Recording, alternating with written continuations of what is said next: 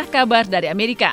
Para pemilih di Amerika kini mendapat pencerahan atas pertanyaan yang selama ini telah membayangi calon presiden Partai Republik Donald Trump, yaitu apakah laporan pajaknya akan mengungkap transaksi keuangan dan kinerja bisnis biliuner real estate itu.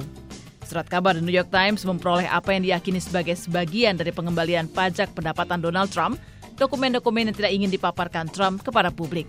Dokumen yang dikirim secara anonim kepada surat kabar itu menunjukkan bahwa Trump telah melaporkan kerugian 916 juta dolar pada laporan pajak tahun 1995 sehingga memungkinkannya tidak membayar pajak pemasukan kepada pemerintah federal selama beberapa tahun ke depan hingga mencapai jumlah yang sama. He didn't pay any federal income tax.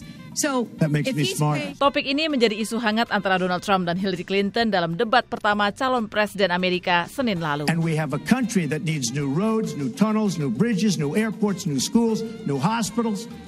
And we don't have the money because it's been squandered on so many of your ideas. But and maybe because you haven't paid any federal income tax for a lot of years. Para pendukung Trump membela sikap Trump yang menolak mengeluarkan laporan pajak dan catatan kinerjanya sebagai pebisnis. Di antaranya mantan wali kota New York, Rudy Giuliani. This man, 26 years ago, had some failures, and then he built an empire.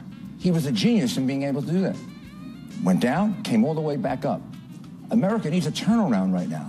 And Donald Trump is a turnaround artist. Namun hal ini dibantah Clinton. Well, I'll tell you what, if not paying taxes makes him smart, what does that make the rest of us? It's probably true he hasn't paid a penny in federal taxes to actually support our military or our vets or our schools. Tidak ada satu bagian pun dalam dokumen yang dikirim ke surat kabar The New York Times yang menunjukkan tindakan Trump yang melanggar hukum.